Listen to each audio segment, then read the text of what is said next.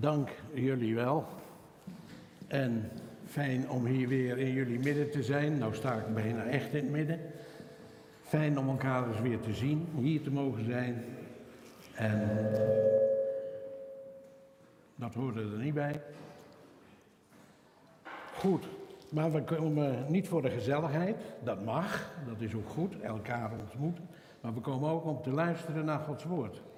En dat is vanmorgen uit het Oude Testament.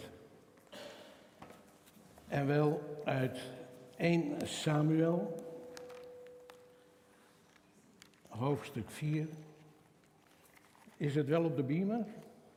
Of moet ik heel duidelijk en langzaam lezen? Ja, dan moet dat. 1 Samuel hoofdstuk 4, de eerste elf vers uit de nieuwe Bijbelvertaling. En er staat de ondergang van Eli en zijn nakomelingen. Enige tijd later trokken de Israëlieten ten strijde tegen de Filistijnen. Ze sloegen hun kamp op bij Eben Haezer. De Filistijnen lagen in Afek. Nadat de Filistijnen zich in slagorde tegenover de Israëlieten hadden opgesteld, brandde de strijd los. Israël werd door de Filistijnen verslagen. 4000 man sneuvelden in de slag. Toen het leger naar het kamp was teruggekeerd, vroegen de oudsten van Israël: Hoe komt het dat de Heer ons vandaag tegen de Filistijnen een nederlaag heeft laten leiden? De ark van het verbond met de Heer moet uit Silo hierheen worden gehaald. Dan zal de Heer in ons midden zijn en ons bevrijden uit de greep van onze vijanden. Het leger liet de ark van het verbond uit Silo overbrengen. De ark van de Heer van de hemelse machten, die op de Gerub stroomt. Hofni en Pinehas, de beide zonen van Eli, kwamen met de ark mee. Toen de ark van het verbond met de Heer in het legerkamp aankwam, barsten alle Israëlieten uit in luid gejuich zodat de aarde ervan dreunde. De Filistijnen hoorden het lawaai en vroegen, wat klinkt daarvoor gejuich uit het kamp van de Hebreeën? Toen ze vernamen dat de ark van de Heer in het legerkamp was aangekomen, werden ze bang en zeiden, hun God is naar het legerkamp gekomen, het ziet er slecht uit voor ons, want zoiets is nooit eerder gebeurd. Het ziet er slecht uit voor ons. Wie redt ons uit de greep van die machtige God?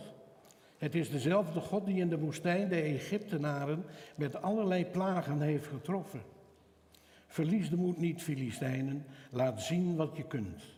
Anders worden wij de slaven van de Hebreeën zoals zij het van ons zijn geweest. Laat dus zien wat je kunt ten aanval. En de Filistijnen gingen tot de aanval over en de Israëlieten werden verslagen. Ieder vluchtte naar zijn eigen woonplaats.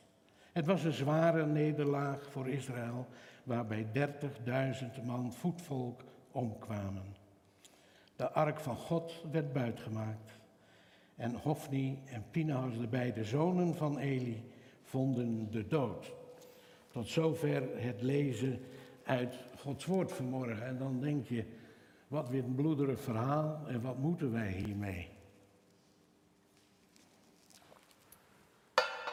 Er werd mij gevraagd om een thema.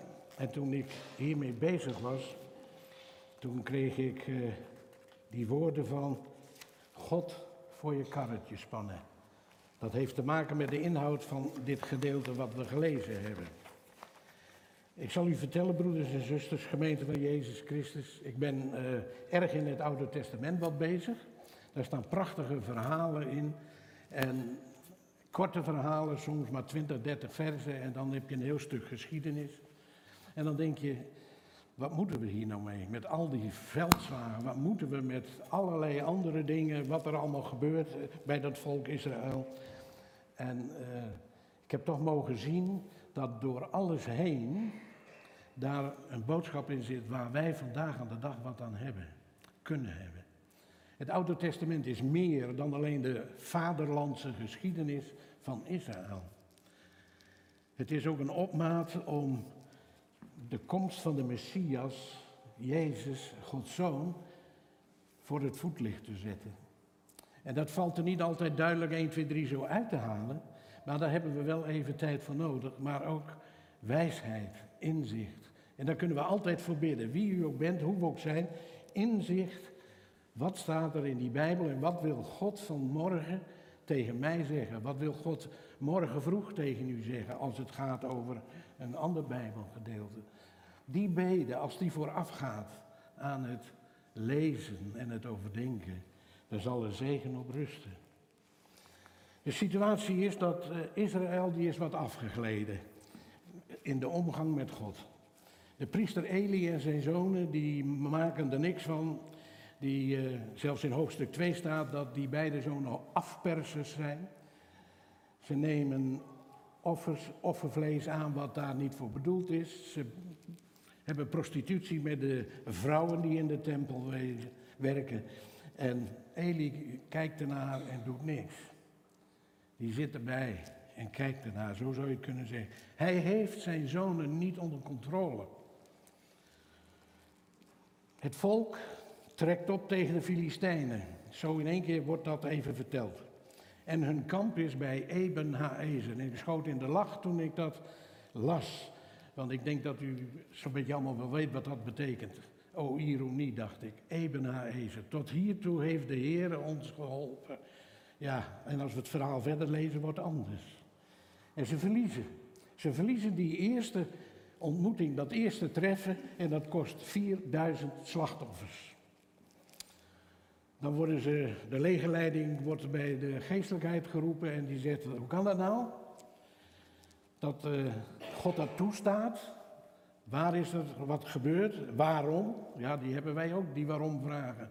Maar daar krijg je niet altijd een antwoord op. Dan moet je even nadenken soms.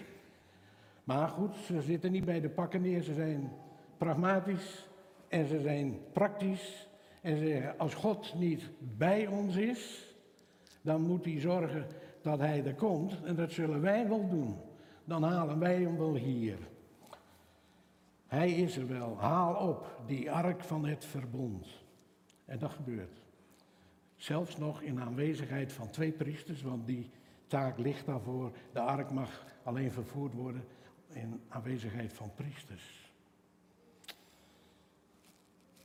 En als dat in dat legerkamp komt, we hebben het gelezen, is er grote vreugde en ze gaan tekeer. De hele grond dreunt ervan dat de Filistijnen worden bang. En wat gebeurt daar? En die hebben spionage, dat was er toen ook al. En die komen erachter, die spionnen, van hé, hey, hun God is er. En dan weten zij al, oei, dat is die God die in Egypte al die plagen deden, dat is die God die heel sterk is. Nou, er staat ons wat te wachten. We moeten de moed niet verliezen, opgepakt, we zullen het zelf doen. En we gaan aan die slag. We doen ons uiterste best en we zullen het wel eens even zien. Zo gaat het. En we hebben het gelezen.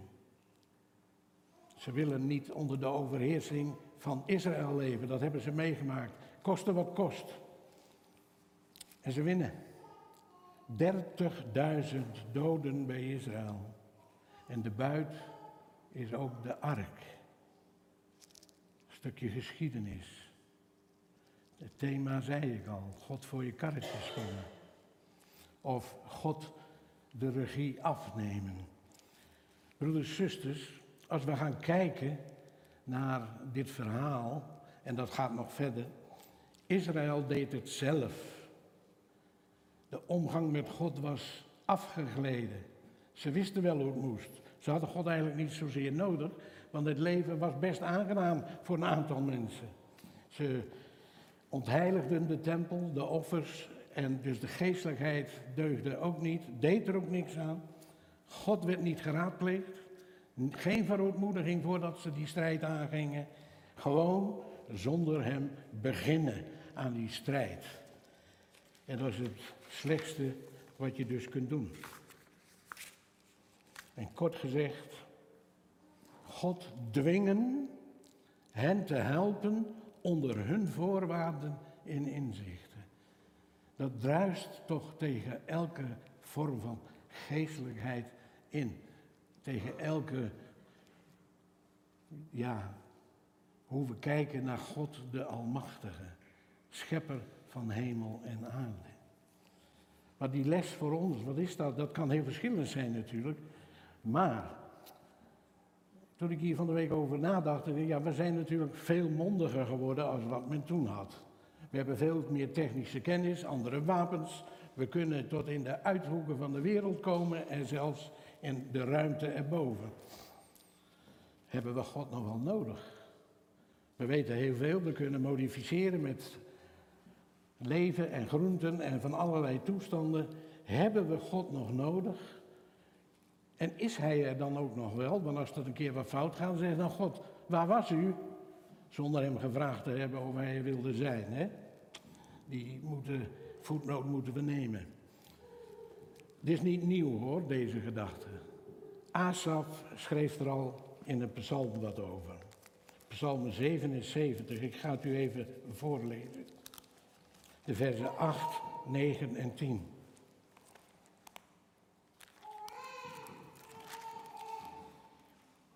Asaf die schrijft daar, zou de Heer voor eeuwig verstoten, zou hij niet langer lief hebben, is zijn trouw voor goed verdwenen, zijn woord voor eens en altijd verstomd, vergeet God genadig te zijn, verbergt zijn ontferming zich achter zijn toren.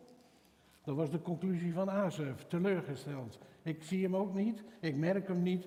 Zou dit gebeurd zijn? Broeders en zusters, dat is het levensgevaarlijke conclusie. Als we die trekken.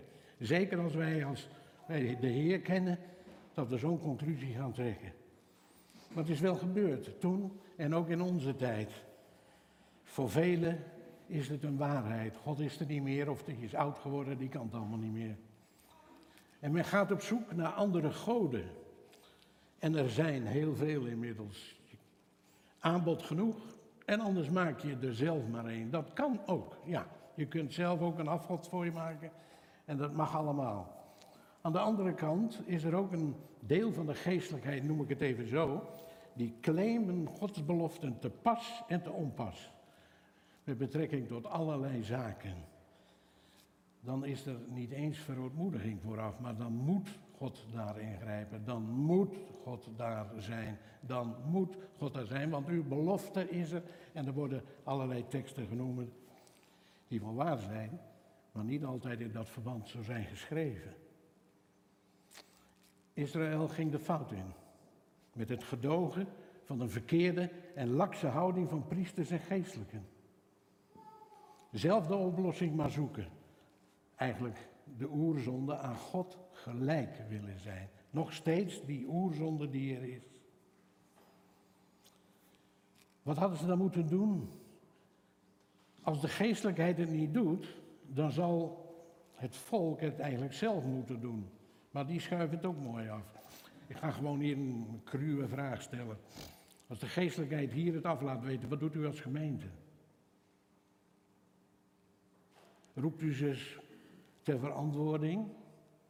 En ik durf dat gewoon hier te vragen, want ik ken deze gemeente. Roept u ze ter verantwoording? Loopt u weg?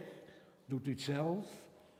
En er zijn gemeenschappen waar dat gebeurd is en misschien nog wel gebeurt. In de fout gaan. Verootmoedigen. Voor de Allerhoogste, de Almachtige God van hemel en aarde, schepper van alle leven. Die priesters aanspreken vergeving vragen en bidden. Of God ze wil leiden. Of God die geestelijkheid wil leiden in hun denken en doen. Dat ze hun hart openen voor de werking van de Heilige Geest. En stoppen. Gewoon stoppen met verkeerde en zondige praktijken. En ook geen zonde goedkeuren. Dat wordt moeilijk. Vandaag aan de dag voor u en voor mij, voor de gemeente. Ook wij zullen in dat spoor moeten blijven gaan. Contact met God houden. Contact met die hemelse Vader houden. Bidden om de werking van de Heilige Geest. Voordat wij zelf een oplossing bedenken. En ik ben zelf meerdere keren daarmee het schip ingegaan. Maar het staat of het valt. Erkennen we en beleiden we onze zonde, onze kleinheid. Waar ook de Bijbel van spreekt. Een stofje aan een weegschaal, een druppel aan een emmer water. Beleiden we dat? Ja, beste broeder, hoor ik dan wel eens, je moet wel met je tijd meegaan. Het is niet meer van deze tijd. Broeder, alles verandert. En dan zeg ik altijd, en wie bepaalt dat? Wie bepaalt dat opeens, en nou zeg ik het maar, een mens wordt geboren en je mag niet meer zeggen of een jongetje of meisje is. Wie bepaalt dat? God schiep de mens mannelijk en vrouwelijk. God schiep de dieren mannelijk en vrouwelijk. En wat doen wij? Niet meer van deze tijd. Toen dacht ik hier aan en er schoot mij die tv-reclame van een verzekeringsmaatschappij. Blijf maar gewoon, dan word je vanzelf bijzonder. Dat moeten wij zijn. Wij moeten als christenen bijzonder zijn in die wereld waarin wij staan. En dat is niet gemakkelijk. Dan word je niet zo blij ontvangen. Of dit gewaar. Het spoort niet. Hofni en Pinahas spoorden ook niet. En dat lieten ze gaan. En ze laten de hele wereld gaan in een afwijking van alles wat eigenlijk God gemaakt heeft. En dat weten we wel, want dat is het gevolg van de zonde. En daar doen wij zelf ook aan mee en aan mee gedaan. En dan dat, voor dat karretje spannen. Dat is natuurlijk iets wat onder aanvoering van de boze, zo noem ik het maar even, de grote vijand wel gebeurt. Die spannen, hij laat zichzelf, die tegenstander, voor het karretje van de mensheid spannen. Israël deed dat, kreeg de kous op de kop, veel doden en de priester en zijn zonen kwamen om. Einde verhaal. Ark weg en verder. Stop dat dan? Stop de geschiedenis van Israël? Nee, gelukkig niet. Onze God is een vergevend God, die trouw is aan zijn belofte en aan zijn woord. Hij die zijn zoon zond, opdat wij eeuwig leven zouden ontvangen. Ik zeg het nog maar eens een keer, want dat is wel de oorsprong van ons geloof. En de Filistijnen die wisten dat God van Israël sterk was. Asaf keek toch ook nog weer even terug naar die psalm en die breidt hem dan toch uit en die telt zijn zegeningen en dan komt er een conclusie. Er is geen andere God als de onze. Heel de schepping is aan hem onderworpen. En als we dan die verhalen verder lezen, dan blijkt dat Samuel het volk verder leidt. De ark komt weer terug en de verhouding met Israël en God komt weer goed. Ook dat is een les. En ik denk dat we allemaal weten dat we onze zonde steeds weer mogen erkennen en beleiden. Vergeving vragen, maar ook ontvangen. En dat alleen door genade, door het offer van Jezus op Golgotha. En nog is de situatie met Israël slecht, zou je kunnen zeggen. En toen dacht ik, ik ben een nuchtere man, een nuchtere Grunninger. En ik heb wel eens moeten analyseren en dan heb ik oplossingen kunnen bedenken. Ik heb hier ook de oplossing voor, maar ik denk niet dat men met mij meegaat. De wereld tenminste. Gewoon accepteren dat Israël het land van God de Almachtige heeft gekregen. En dat hij de ene waarachtige, almachtige God is. En als dat iedereen nou gelooft, dan komt er rust en vrede in die wereld van mensen. Eenvoudig toch? Ik kan dan zeggen, ja, de leuke kan ik niet maken. Eenvoudiger ook niet. Maar er is geen woord Frans bij. Dat is te begrijpen. Maar we weten ook dat in de Bijbel anders staat. Dat God daar ook een plan mee heeft. Hoe het allemaal gaat. Dan was het maar zo eenvoudig. Eigenlijk is het wel zo eenvoudig, maar Gods plan en de mensheid gaat nog even door.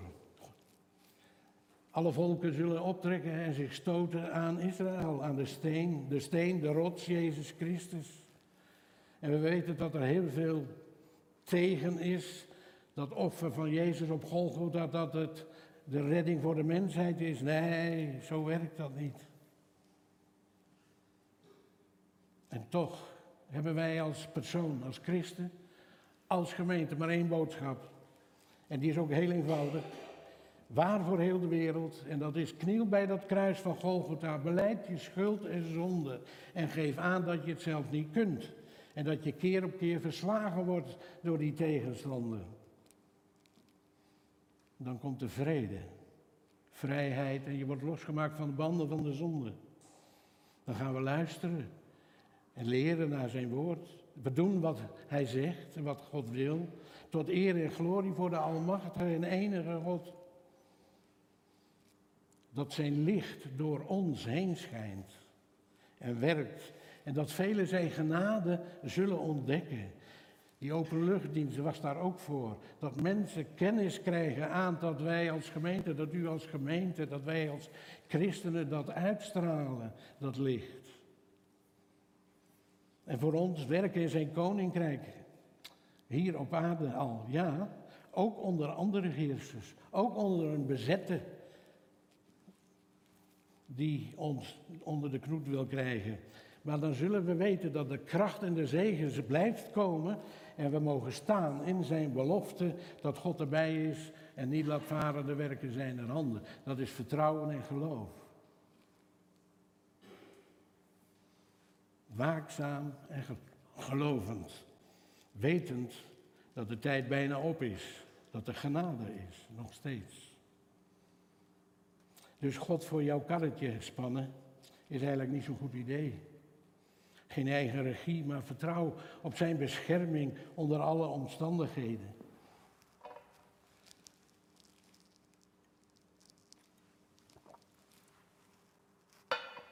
Ik wil een paar versen nog met u lezen uit de Romeinenbrief, hoofdstuk 11, 33 tot 36.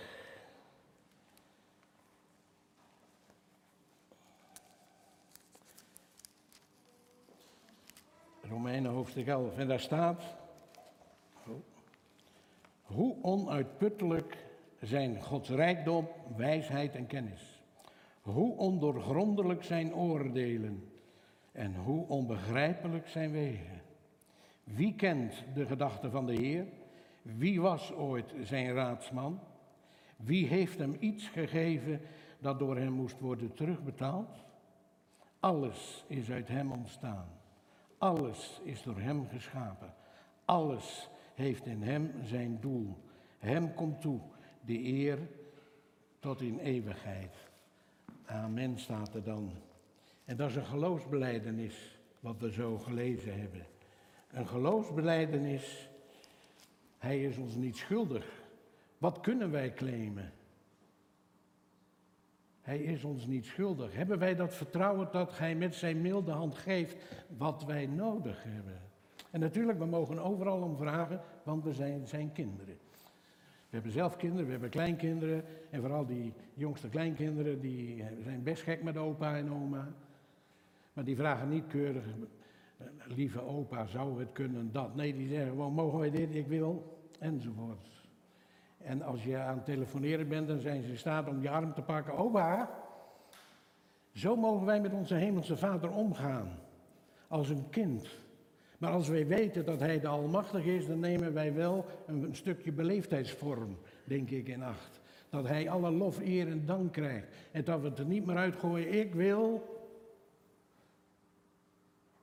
Nou, dat doen we dus nu even niet. Is wel eens het antwoord van vader, moeder, opa, oma. En waarom niet? Ik heb er nu zin in.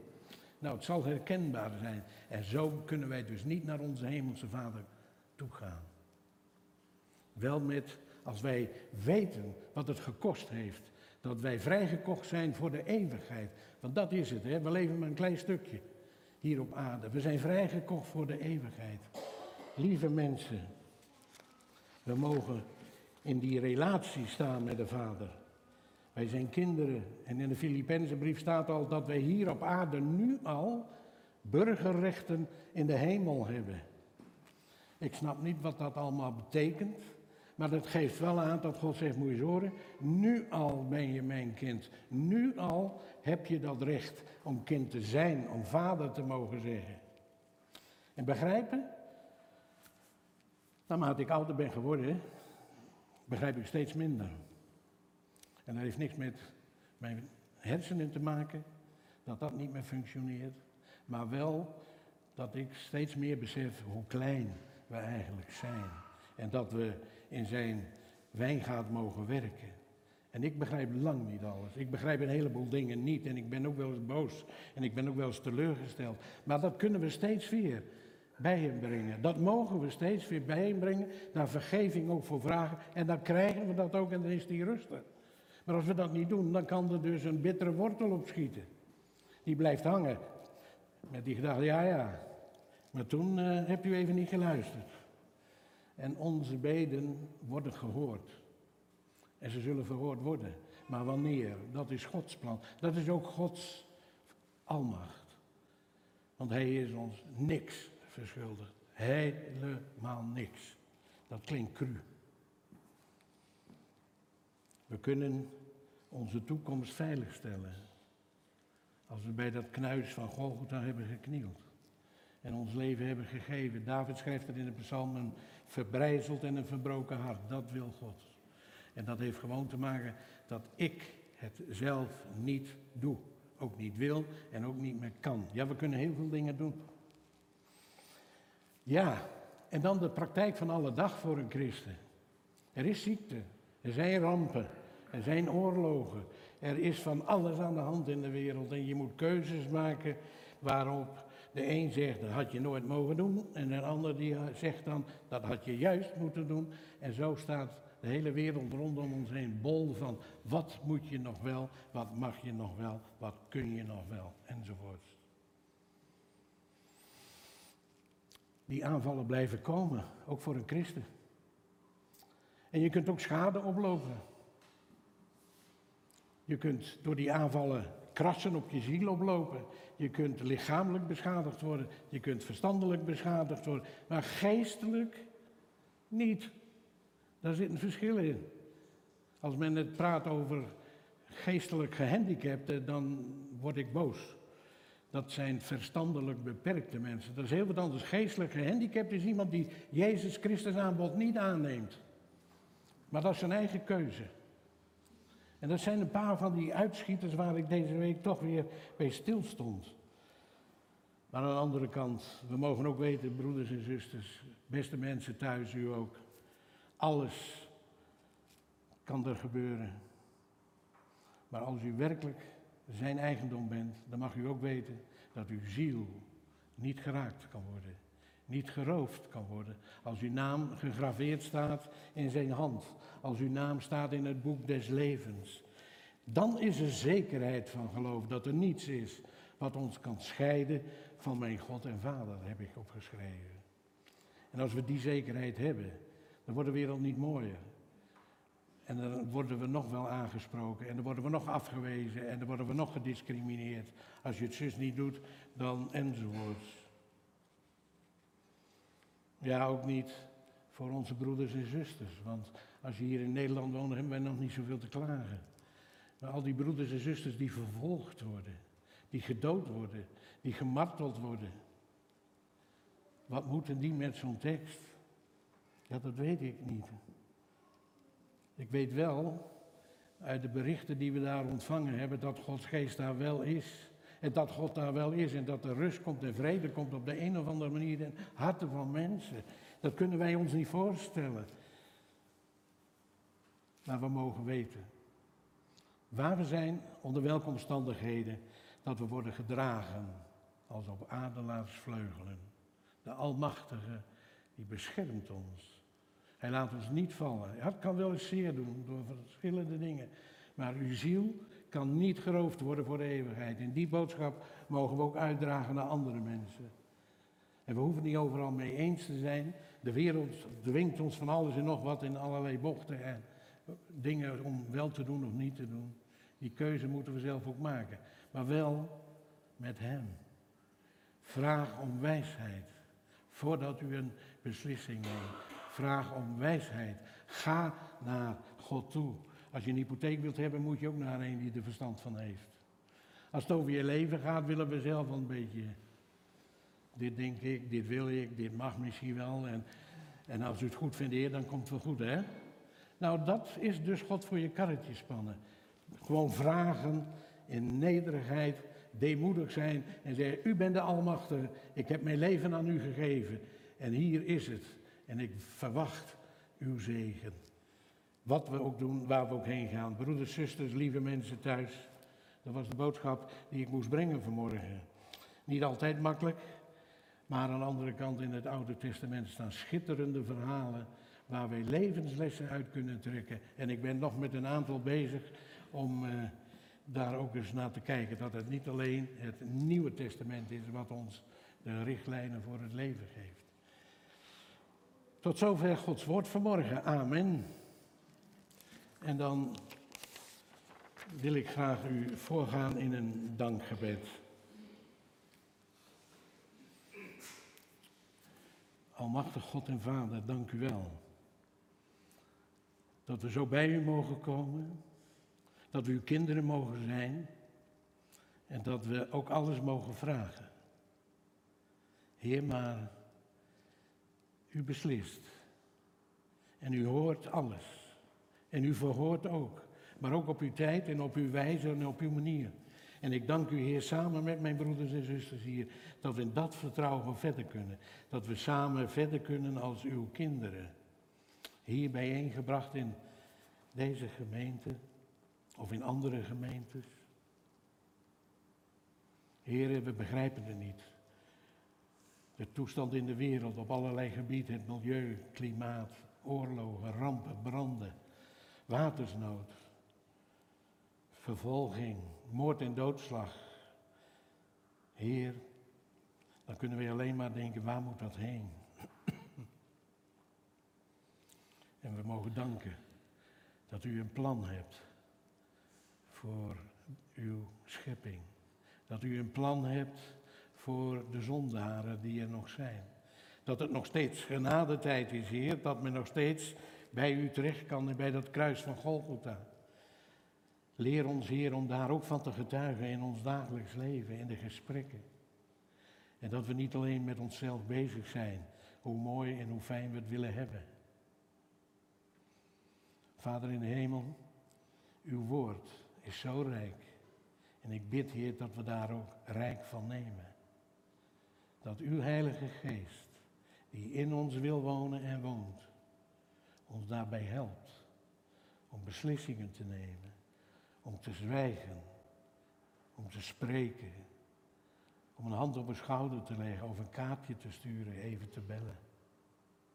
Heer, en in dat geloven en dat vertrouwen, met die zekerheid dat er niets is wat ons kan scheiden van uw liefde, mogen wij u danken. Mogen wij u danken, Heer, voor uw reddingsplan, dat u uw zoon gaf voor het offer voor heel de wereld, heel de mensheid. Begrijpen? Nee. Accepteren? Ja, dank u wel. Amen. Dan, uh, ja, ze weten het al.